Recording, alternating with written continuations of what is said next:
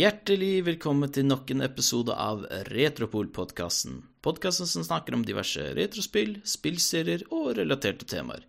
Jeg er verten deres Erlend, og så har vi vår cohost Henrik. Alltid glad for å være her. Vi har endelig kommet til det siste spillet i Mario Party-trilogien på Nintendo 64, hvilket er Mario Party 3. Og en liten fun fact, Henrik. Dette var det siste First Party-spillet som kom ut på Nintendo 64 i Europa. Ja, det visste jeg faktisk. Jeg syns det er litt sånn artig fun fact å bare lese seg opp på sånne ting. Vet du hva det siste First Party som kom ut i Australia var, da? Nei, det husker jeg ikke. Paper Mario. Å, det var annerledes der, ja. Men uh, hva var det siste i uh, USA og Japan? Det siste spillet i Japan heter Bomberman 64. Og i USA så var det siste spillet Tony Hawk Pro Skater 3. Å oh, ja. Interessant. Nei, så Mario Party 3, da. Det er jo, i min mening, da, den jeg liker Min favoritt i Mario Party-serien så langt, da. Og det er jo fordi den har jo veldig mange nye artige minigames og det var, man kan si at det var egentlig her hvor eh, Mario Party var perfeksjonert, da. Eller hva vil du si, Henrik? Både òg, men absolutt. Det var, det var på en måte det første sånn ferske Mario Party-spillet etter toen. Ettersom at toen var ganske lik det første. Så det ga det jo det ga det jo muligheten til å få veldig mange kule, nye brett og veldig mange nye interessante minigames som ikke var med i de to andre. Vi har jo også to nye karakterer introdusert i Mario Party. Prinsesse Daisy fra Super Mario Land, og det som i dag er min favoritt-Mario-karakter i serien, nemlig Valuigi. Og nei, hvorfor, hvorfor, er vi så glad i Valuigi, Henrik? The memes! Det er jo flere ting, egentlig. Sånn, Luigi er så annerledes fra de andre Mario-karakterene på mange måter.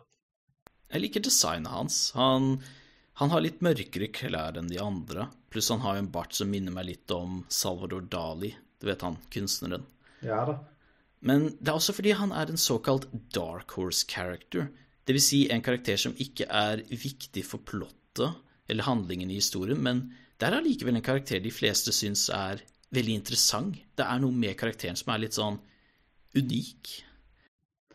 Og så er det jo det at han har en egentlig ganske så artig personlighet med hans egen Det at han synes så synd på seg sjøl. Mm. På mange måter. Han er jo på en måte den ultimate underdoggen, kan man si. Han har ikke hatt sitt eget spill enda, men man kan jo alltids håpe. Mm. Nei, så hvis dere ønsker en liten refresher på hvordan Mario Party fungerer, så anbefales det å høre på episode 5 Mario Party 1. Men uh, når det kommer til brikker i dette spillet, så er det egentlig bare to nye som er introdusert. Det første det er Item Space, hvor uh, ikke bare kan du nå spille, ende med å spille item minigames, men du kan ende med å få et spørsmål fra enten Toad eller Baby Bowser, hvilket vi skal komme tilbake til når det kommer til item shops. Og det er sånn at Baby Bowser eller Toad du stiller deg et spørsmål. Og hvis Baby Bowser stiller deg et spørsmål, f.eks.: Are you a picky eater? Da svarer du helst ja, for han liker jo at du er litt sånn rebell. Mens Toad, hvis Toad stiller deg et spørsmål, f.eks.: ah, du finner en pengesekk på gaten, og det er stjerner og mynter der, hva tar du? Hvis du velger å si stjerner og mynter, da Toad, syns Toad du er grådig og gir deg ingen items. Men hvis du svarer litt mer ah, 'Jeg ville kun tatt mynter, jeg tar kun stjerner', det er da Toad gir deg items. Hvilket er egentlig en liten dobbeltmoral, eller hva vil du si, Henrik? Du vet jo hva de sier. Mario Party er mesteren på å ødelegge vennskap, så det er iallfall dobbeltmoralsk når du spiller Mario Party. Ja, for du må jo ljuge på Toad og så svare hermetegn ærlig på Baby Bowser. Jepp. Så har vi da the infamous game guy-feltet. Måten game guy fungerer på, er at hvis en spiller havner der, så blir vedkommende tvunget inn i et uh, gambling-minispill, hvor de må gi fra seg alle pengene Ikke halvparten, ikke bare noen få. Vi snakker om absolutt alle, uten unntak. Og du kan ikke si nei, du må faktisk delta i det spillet. Og da kan du enten få mye penger, eller så kan du risikere å tape alt. Spesielt svir det hvis du er så heldig å vinne 785 mynter på én runde, og så lander du på et nytt Gameguy-felt, og du taper alt. Ja, er du maks uheldig. Hjertet synker veldig da. Ja. Nei, så items, da? Hvordan fungerer de, Henrik? Jo, så veldig mange av items som ble introdusert i Mario Party 2, er fremdeles med i Mario Party 3. Men de har òg introdusert en del nye items. Items som er nye i dette spillet her, inkluderer ting som som Cellular Chopper. Cellular Chopper det er da et item som gjør at du kan ringe til en butikk. Enten da kan du da velge Toad eller Baby Bowser. Og basert på hva du velger, så har du muligheten til å kjøpe forskjellige ting. Når du kjøper ting fra f.eks. Baby Bowser, så har du tilgang på ting som Reverse Mushroom, Poison Mushroom, Bowser Phone, Bowser Suit, Lucky Lamb, Blunder Chest og Bubel. I tillegg til Item Bag og Skeleton Key. Når du handler fra Toad, så har du muligheten til å handle Mushroom, Warp Block, Cellular Shopper, Dueling Club, Golden Mushroom, Boo Repellent, Magic Lab, Skeleton Key eller Item Bag.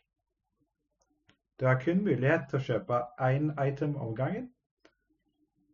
Og du kan holde opp til tre items i dette spillet her, i motsetning til én i Mario Party 2. Åh, takk og pris for det. Nå er ikke noe lenger plunder chest-utnyttelse. Ja, du plunder chest i Mario Party 2, så ødelegger du for alle andre. Du har også Boo Repellent, hvilket eh, vil beskytte deg fra å bli stjålet fra Når Bø kommer, og noen har valgt å stjele fra deg, så kan du endelig beskytte deg fra dem.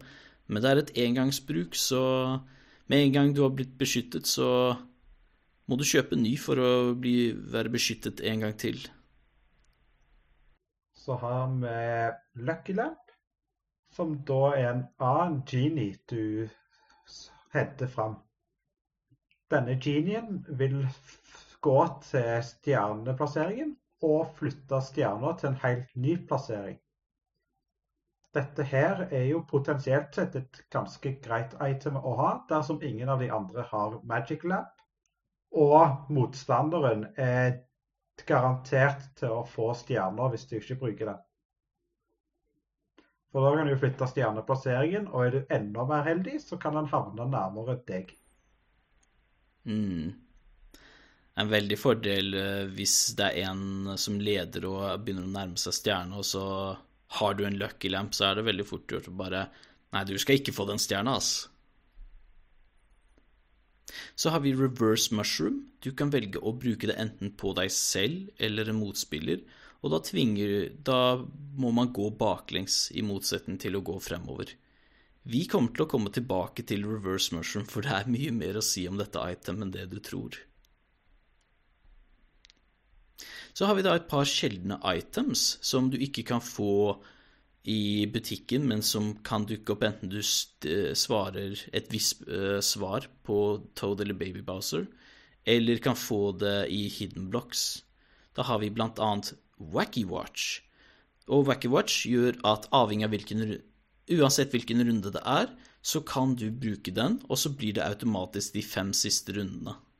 Oh, det er jo egentlig veldig sånn brutale item. For hvis du på en måte spiller f.eks. 20 eller 30 runder, og du får tak i en stjerne og har mye penger, så kan du bevisst gjøre spillet kortere. Og det er mange som kan bli irriterte av det, for eh, de har lyst til å holde på lengre, eller de er ikke forberedt på, på at det plutselig ender fortere enn det de ville. Mm. Hvordan fungerer barterbox, Henrik?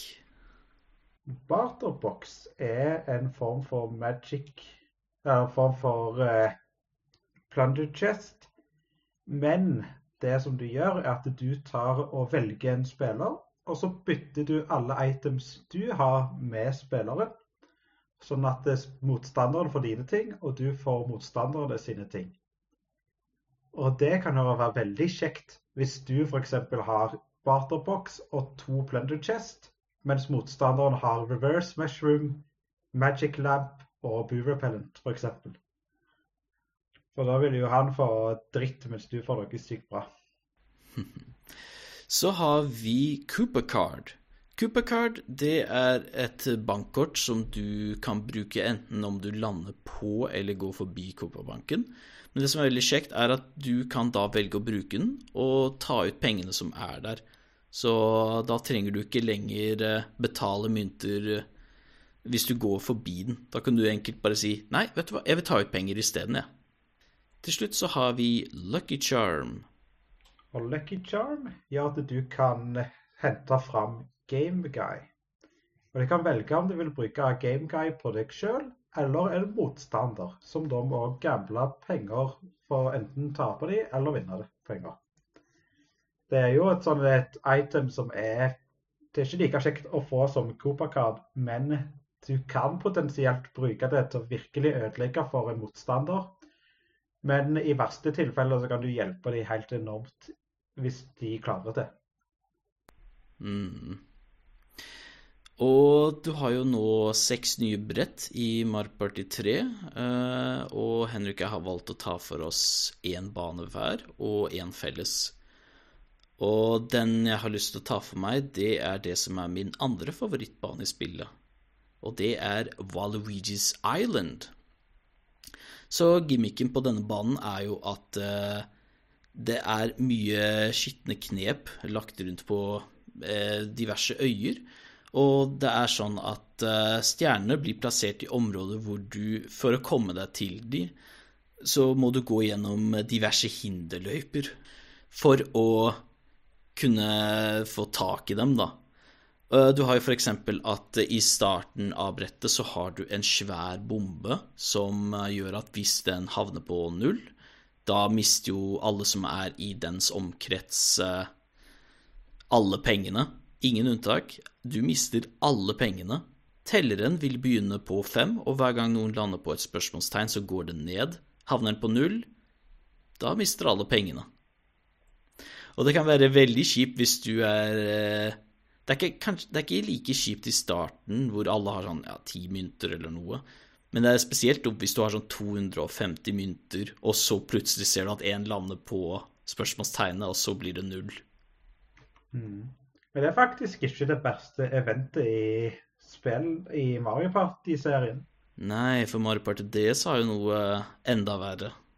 På Bowsers pinballmaskin så kan du komme i et område som heter Absolute Zero.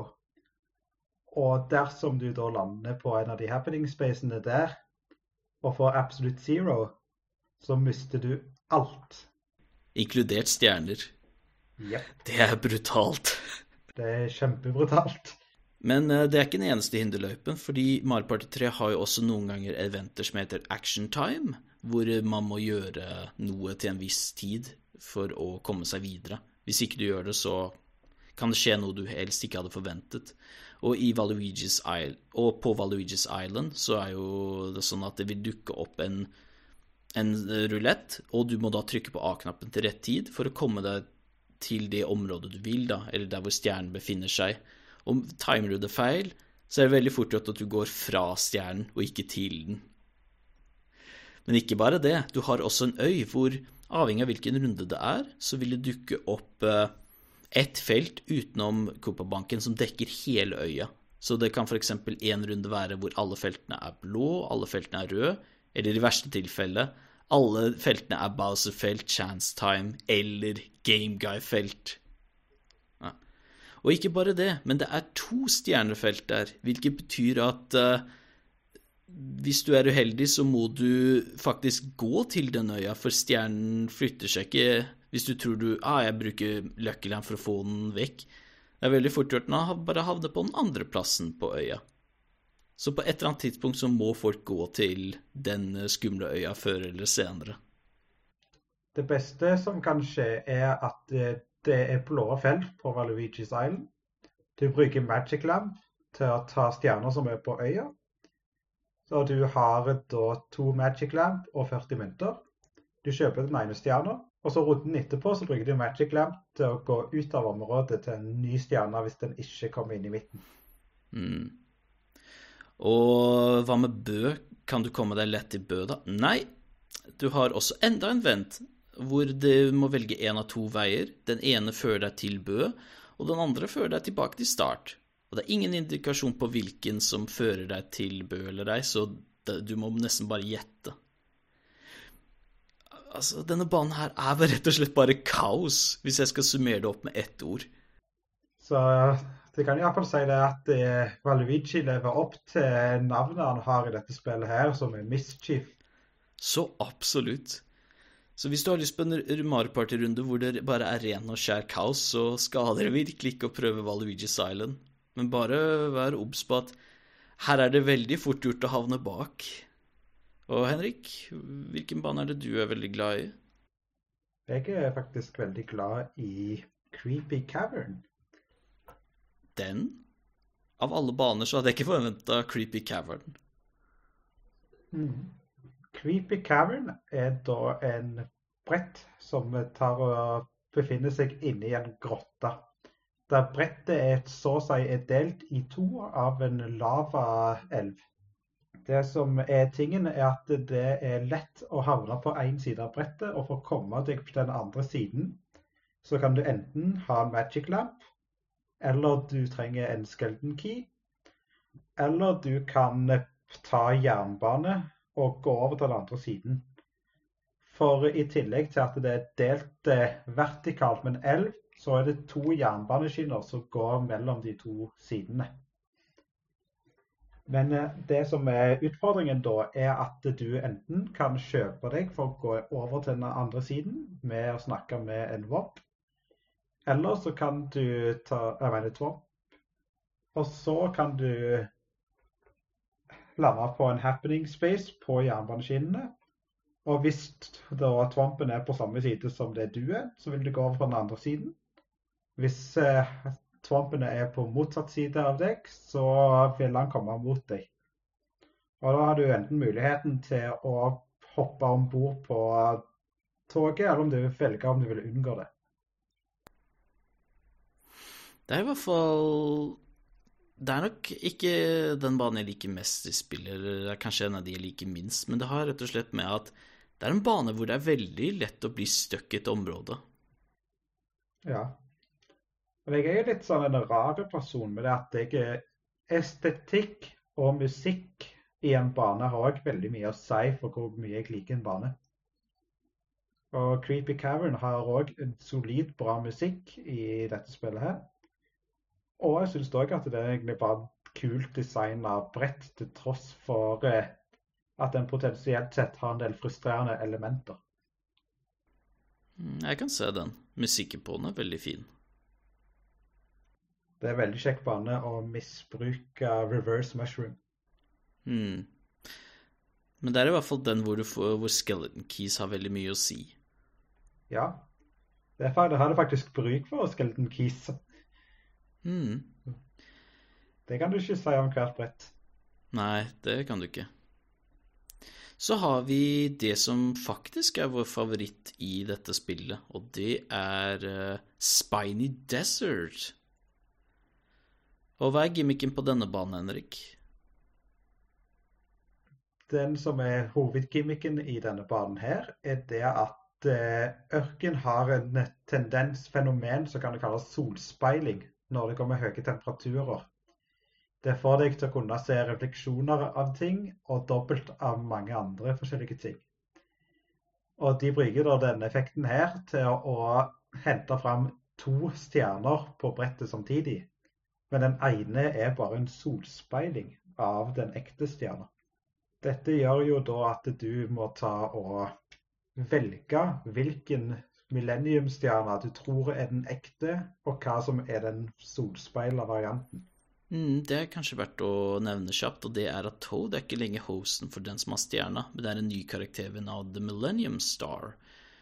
Og så har du en annen ved navn Tumble som introduserer minigames og gir deg instruksjoner. Og det er egentlig det jeg liker veldig godt med Spiny Desert, at du får litt den derre Du vet ikke om det du går til er stjerne eller ei, med mindre du holder telling, da. Men uansett, det er veldig fort gjort at du leder, og så tror du ha-ha, nå får jeg stjerna, og så finner du ut at det var en solsperring. Da sitter du veldig godt med den der Da sitter du igjen med den derre Ah, nei. Du har også kvikksand på banen, hvor eh, avhengig av uh, om du er oppe eller nede, så er det sånn at det er to sirkler man må gå rundt. Og hvis du lander på et spørsmålstegn, da synker man i kvikksand og havner på den andre sida. Og det kan bli spesielt irriterende når du først er i nærheten av en stjerne, plutselig er runden din over, og så kommer en annen spiller, lander på et spørsmålstegn, og så må begge to over til den andre sida. Så blir det veldig fort gjort at du sitter der sånn Åh, nei! Mm. Og det som da potensielt kan skje med denne brettet her, som på en måte kan være det brettets eneste store minuset, er jo det at når du er på fem runder, så vil du komme i duell mot en annen spiller dersom du og en annen spiller havner på samme brikke. Og det som skjer, er at når du havner på en happening space, så vil alle bli sugd opp og havne på den samme plassen. Og det gjør at du automatisk må i duell mot en annen person. Og Se for deg da på de fem siste rundene, og alle fire personene er stuck i den hullet der. Da vil du gå gjennom fire dueller og så et minigame. Så på en måte, det forlenger jo spillet helt enormt. så det ender med å ha et sånn duellmaraton? Rett og slett. Ja. Og Mario Party 3 har jo minigamesene. Vi kan jo ikke glemme de. Vi har jo de samme kategoriene, sånn fire player, én mot tre, to mot to. Battle minigames, dual minigames, item minigames, og så har vi også game guy minigames, da. Henrik har da valgt uh, ett minispill hver å prate om i hver kategori, så vi kan begynne med fireplay-minispill. Den jeg har lyst til å ta for meg, er Messy Memory. I Messy Memory så går det ut på at du skal følge nøye med på ti items plassert på hyller, og så må du huske hvor de er plassert, fordi det vil dukke opp toads som da fjerner sju av itemene på gulvet, og da er det din oppgave å plassere de tilbake på rett plasser. Og det som gjør det veldig gøy, er jo at dette er et spill som eh, hjelper deg veldig med hjernetrim, da. For det, det, går veldig mye ut på å memorisere hvor de itemene er plassert. Men du kan også velge å jukse, fordi hvis du vil, så kan du bare følge med på hvordan de andre spillerne plasserer itemene. Bare for å kopiere hva de gjør, istedenfor å måtte huske selv. Mm. Ganske frekt, men det er jo kreativt, og det går jo an. Men det som du da kan gjøre hvis du finner ut at noen følger med på deg, er jo bevisst velge feil, og så bytte det på siste sekund. Det er sant. Du kan jo også, når du er ferdig, trykke på sett-knappen, for da skjuler det hva du har gjort, da. Så mm. Men allikevel et, et veldig artig minispill. Og det som jeg da tenker å snakke om, er Bounce and Trance. Bounce and Trowns er da et spill der alle fire personene er på et firkanta brett som da består av ni kuber. Du vil da være på en ballforma hoppestokk, og målet er å krasje inn i andre motstandere og dytte de ut av banen. Det som da vil skje når du går ut lenger ut i spillet, er at eh, hver enkelt plattform vil til slutt falle ned til den som i midten gjenstår. Og Det gjør jo at det er ekstremt lett å dette ut. Og det der er jo da et spill som er veldig stort fokus på ferdigheter. Det gjelder å følge med på hvor alle motstandere er, og det gjelder også å tenke over hvilken strategi de vil kjøre. Har du lyst til å være defensiv, har du lyst til å prøve å unngå konflikter? Eller vil du være den aggressive personen som virkelig prøver alt du kan, og hoppe inn i andre og slå dem ut? Ja, det er et sånt spill hvor det gjelder å på en måte være litt strategisk. Men jeg den, husker, men jeg husker også den ene gangen hvor eh, det var du og jeg og et par andre som spilte.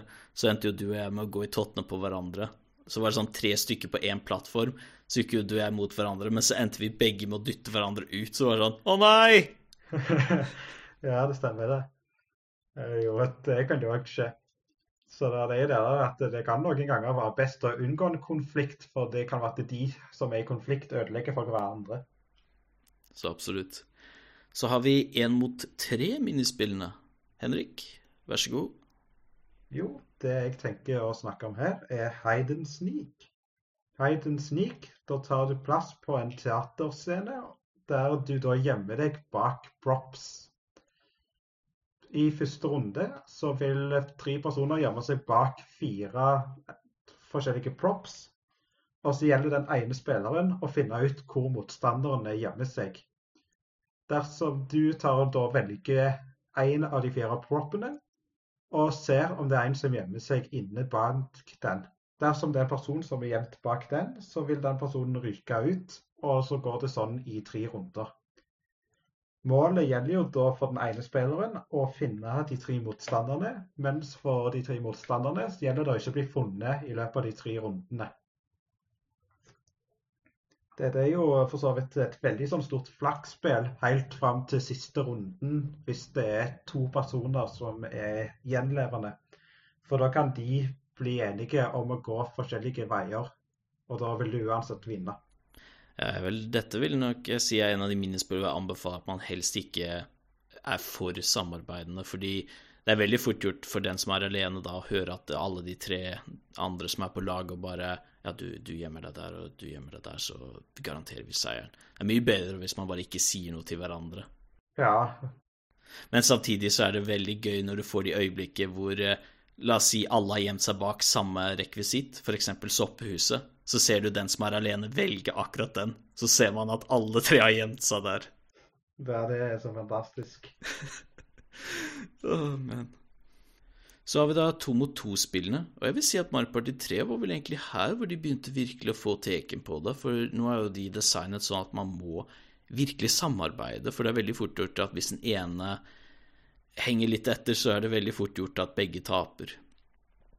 Men en av de jeg liker veldig godt, eller ja, i hvert fall en av mine favoritter, det er Slotsync. I Slotsync så er det da sånn at begge to må gjøre sitt beste for å treffe samme figur Eh, at for eksempel Toad Man får da poeng, for hvis man greier å få eh, at begge to får samme karakter. Det er sånn at Baby Buzzer, hvis begge får det, så får man minus én poeng. Gumba så får man ett poeng. Copatropa, så får man to. Men det man helst vil sikte seg inn på, er jo Toad, som gir deg tre poeng. Så spillet går jo mest ut på da om å gjøre å få Toad flest mulig ganger, da. Og jeg vil si dette her er en av de minispillene som det er best å spille med en computer istedenfor en menneskelig spiller, fordi computeren er mye flinkere til å få det samme som du får, enn en menneske. Det er veldig avhengig av difficulty og hvor flinke begge personer er, men som regel syns jeg det er gøyere å spille med en AI, da, i og med at de er litt mer treffsikre. Og det to mot to-spillet jeg snakker om, er Cosmic Coaster. I Cosmic Coaster så kjører begge personene på en jernbaneskinne, der målet er å være førstemann til mål. Det som er interessant, er at hver person står i sin egen modul, og må da svinge til enten venstre eller høyre for å unngå vegger som er plassert i banen. For treffer du en vegg, så taper du hastighet. Så målet er jo det at du må unngå å treffe vegger, men jo bedre du er på å dukke unna vegger, jo raskere vil jernbane kjøre. Så til slutt så går det jo så fort at det blir vanskelig å ikke treffe noe. Og Det er jo to elementer der. Det er muligheten til å samle mynter, som du finner på brettet, men det er jo mer risikabelt. Men det gjør jo at du potensielt sett kan tjene mer penger når du vinner, eller i det minste fall ha noe penger dersom du taper. Men hvis man er litt sleip, hvis du spiller med en som leder og du ikke har lyst til at vedkommende skal vinne, så kan du krasje i plakatene med vilje. Ja, det er egentlig ganske så brutalt. For det at det er veldig lett å sabotere for lagkameraten dersom du ikke vil at de skal vinne. Mm. Så har vi battle minigames, og altså her er det så mange artige å velge mellom. Men uh, hvilken liker du best, Henrik? Jeg er veldig glad i All Fired Up. Og All Fired Up tar plass i en ringforma arena, der du må unngå å treffe ringformede flammekuler, som kalles for potterboos. Det som da er utfordringen, er at, det at alle de potterbuene vil da danne seg forskjellige mønstre, som ring som går inn og ut mot senter, Lage til en form for vegg som spinner rundt, og som på en måte går opp og ned i en bølgeform. Så du kan enten gå under dem eller hoppe over dem. Og prøve å spre seg tilfeldig rundt på brettet. Og da gjelder det jo å følge med på mønsteret de pottebyene gjør, og på en måte òg finne ut Det gjelder på en måte å forutse hvor de vil gå, forutse hvor lenge hver syklus vil være, og finne ut hvor du bør stå til enhver tid. Ja, det er veldig fort gjort å Hvis du ikke følger med godt nok, så er det veldig fort gjort at du gjør feil. Spesielt når de deler seg i fire, og så prøver du å hoppe, men så ender de med å spinne sånn at du ender med å hoppe rett inn i poderbuene. Så har vi da kanskje det mest nervepirrende Mario Party-minispillet som fins, og det er Slapdown. I Slapdown så det, eh, dukker det opp en blomst i midten, f.eks. en rose. Og så er det et par blokker rundt som vil spinne. Og da er det sånn at eh, når den samme blomsten dukker opp på en av de små blokkene som er i midten, så gjelder det å trykke raskest mulig av og lande på å trykke og få hånda di eh, raskest mulig i nærmest den blomsten i midten når den minste har dukket opp, som er den samme som den i midten. Men dette her er et så å si et minispill som det er veldig fort gjort å gjøre en feil på. Det gjelder bare rett og slett å ha nerver av stål. Spesielt når det er snakk om veldig høy pott. Hvis alle har måttet gi fra seg 50 mynter hver, og det er snakk om 200 mynters pott, da er det veldig fort gjort at uh, man gjør en feil, at man rett og slett blir så skjelven at man trykker av når man ikke skulle. Ja, så Det er iallfall det mest intense øyeblikket du kan få i Mario Party. Ja, du liksom bare står der og så bare OK, nå kommer den, nå kommer den Der kom den! Nei, nei, nei! Å, det var ikke den! Å, å, du får jo også bare ett forsøk, så det er så Det er så fort gjort å gjøre én feil, så er det sånn ah. Ja, ja, så noen ganger så er det jo bare det at eh, folk òg er for seine til å reagere. Så bare Det, det var en ekte på en måte. En som slår inn, og så slår de andre bitte litt etterpå. Mm. Du kan jo være litt sleip og bare si 'nå' når, eh, den falls, når det ikke er den samme blomsten i, i midten. Bare for å psyke ut de andre. Men det er det som gjør dette spillet så gøy. Det gjelder rett og slett bare å ha tunga rett i munnen og bare konsentrere seg som bare det. Så har vi da dual minigames, og fra ett nervespill, nervepirrende minispill til et annet, så har vi TikTok Hop. TikTok Hop fungerer litt sånn som Hot Rope Jump i Mario Party 1 og 2, men her så er det sånn at uh, det er sånn at uh, her så vil jo først uh, den lengste viseren bevege seg, men etter hvert så vil det du og en annen motstander står på, den minste, vil jo også bevege seg og de vil da skifte i retning og tempo eller fart. Så det blir veldig fort gjort at uh, til slutt så går det så fort at du ikke greier å reagere og hoppe i tide. Ja, det er jo ekstremt fort det er akkurat med det der at du blir nesten litt irritert enten på de to som spiller, hvis du er, følger med. Sånn, Når ender det? Hvorfor holder de på så lenge? Og så er det òg den der nervepirrende greiene hvis du er en av spillerne som blir irritert på at den andre fremdeles er i live. Liksom sånn derre Why is he not dead? How long can this go? Ja. Det er, det er jo sant. det blir bare verre jo lenger det holder på. Så ingen lyst til å tape. Ja. Det er rett og slett fullt fokus the game. Yep. Så har vi jo min, som da er end of the line. Og End of the Line er da veldig sånn risikospill. For eh, konseptet her er at du kjører et tog og står da mellom et veivalg mellom å ta en tunnel som fører til høyre, og en tunnel som fører til venstre. Du må gjennom tre tunneler for å komme til mål. Men det som er at det er kun én av de to tunnelene du kjører gjennom som er rett til enhver tid. Så dette gjør jo da at eh, du må velge rett tre ganger etter hverandre for å komme til mål. Og det som på en måte da er strategiene du kan gjøre i dette spillet her, er at du kan velge å følge samme vei som motstanderen. Og hvis begge velger det samme hele veien, så vil jo begge to til slutt komme til mål på likt. Og da vil ingen vinne noe, men ingen vil heller tape noe. Eller så kan du prøve å gå en forskjellig vei fra motstanderen, men da risikerer du at du velger feil, mens motstanderen velger rett. Så det er jo litt sånn et risiko mot belønning, the game. For det er alt avhengig om du virkelig vil risikere å tape.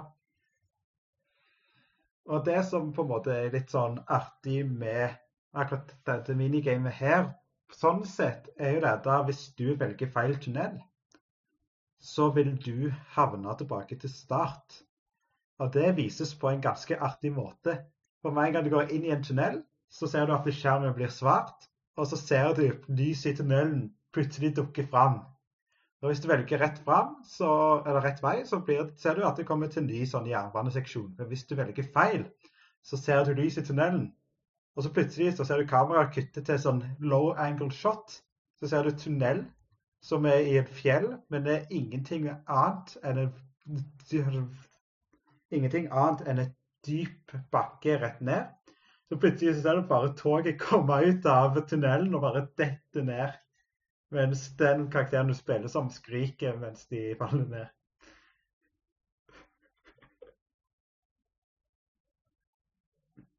Mm. Til slutt har vi item minigames. Og Henrik, hva tar du for deg der?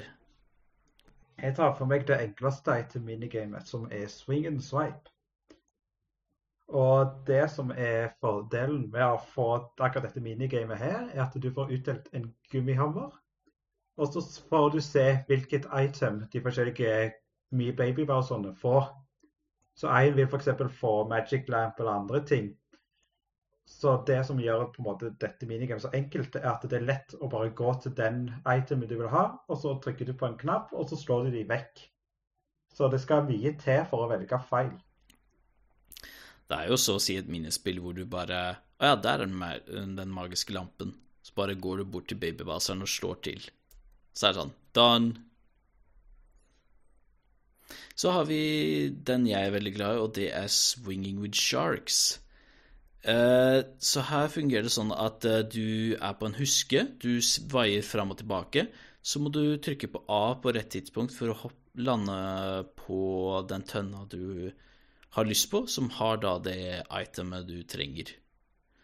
Og det er veldig tricky, for det handler bare om å time det på rett tidspunkt. Men det er mye lettere å falle ut i vannet enn tønnene. Men da er det heldigvis en artig ting man kan gjøre hvis det er et tilfelle hvor det ikke er noen items du trenger. Det er rett og slett at uh, fordi huska svinger fram og tilbake både når den er på skjermen og utenfor skjermen, så kan du, hvis du har lyst til å være uh, artig, så kan du trykke på A-knappen når du ikke ser karakteren din på skjermen, og så, og så når huska er tilbake, så er det ingenting der. Det har vært ganger hvor jeg og Henrik har spilt med folk, og så tar jeg for eksempel og sier Hei, folkens, har du lyst til å se trylletriks? Jeg skal få Valuigi til å forsvinne. Trykker jeg på A, så bare Ta-da! He's gone. Og når det kommer til Game Guys minigames, uh, de er jo egentlig bare så å si kasinospill. Altså Det er rett og slett bare å håpe på det beste. Det er egentlig det jeg bare kan si. De tingene som vi for så vidt liker og ikke liker med dette spillet her, og det er jo egentlig ikke så veldig mye vi ikke liker med dette spillet her, men hvis det er noe som kanskje ikke er så veldig glad i, så er det jo det at eh, det er veldig mange gode minigames, men Mario Party 3 har jo, som alle Mario Party-spill, en del minigames som er nokså kjipe. Og det ene minigamet som jeg syns er spesielt kjipt, det er MPIQ. For eh, det får utdelt et spørsmål, og så gjelder det å trykke på rett svar og rett alternativ. Men det som er problemet med akkurat dette minigamet her, er at du kan trykke A så fort du bare kan, og så velge et alternativ og vinne. Så kan rett og slett bare blir om til en svær gjettelek, der det bare gjelder å spamme så fort du kan, og så velge et alternativ. Så på en måte ingenting skjer. Ja, du har jo også at spørsmålene er ganske så absurde. Noen, er jo, ja, noen av dem er jo så å si enkle. Det er sånn Hvilken farge er eh, slipset til Donkey Kong? Eller er, hvem er prinsessen av The Mushroom Kingdom? Sånn relatert til Mario-universet. Men så får du spørsmål sånn der eh, Hva er rekorden på dette minispillet du kanskje ikke har spilt på evigheter? Så Det er en av de minispillene som virkelig kunne trengt en helt en hel restructure, egentlig. Og så har vi en av de jeg ikke er så veldig glad i, og det er rett og slett Spotlight Swim. Og der fungerer det sånn at eh, de som er på lag Det er et 1 mot 3-minnespill. Så må de som er på lag, uh, lyse alle lyse, uh, lysene sine samtidig på den som er alene. Og den som er alene, kan dukke under vann eller prøve å unngå å bli tatt av lysene. Greia med denne minispillet, det er at så lenge de som tre som uh, samme er på lag og rett og slett vet hva de driver med, så er det så å si umulig for den som er alene, å vinne. Det er så ubalansert som det bare går. Det er jo òg sånne ting som de kunne fiksa, for Mario Party 3 hadde ikke den beste balansen på minigames. Nei, men det er liksom Det er veldig mange artige minispill i Mario Party 3. Det, men så er det noen som det er enten ikke like artige som andre, eller så er det noen du finner en exploit på. Litt sånn for eksempel i Marios Puzzle Party. Den er jo litt som en sånn Tetris-spill, og hvor det er om å gjøre å få mest mulig combo for å få poeng. Men greia er at jeg har jo funnet ut at hvis du bare holder ned hele tiden, så får du automatisk mange komboer uten engang å prøve. Så det er jo det, da. Nei, men uh, Nei, hva annet er det vi egentlig liker med spillet? Altså, en av de tingene jeg er veldig glad i med Mario Party, er at Mario Party 3 det er at soundtracket, selv om ikke det er like bra som Mario Party 1 sitt, så gjør det allikevel jobben med å få deg i god stemning.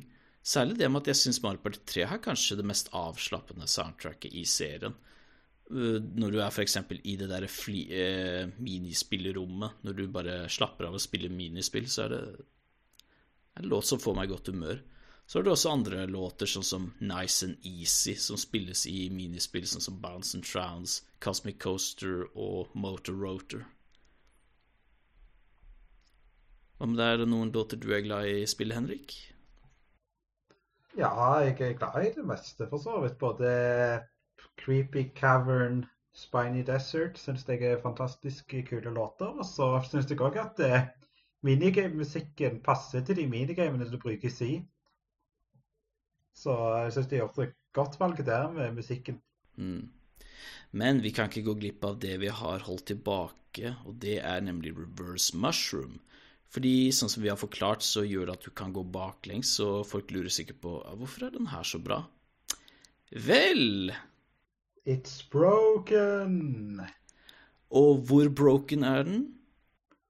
Veldig. For det du kan gjøre, er jo det at du har ett prinsipp i Mario Party. Hvis du kommer til et kryss, så kan du velge to veier.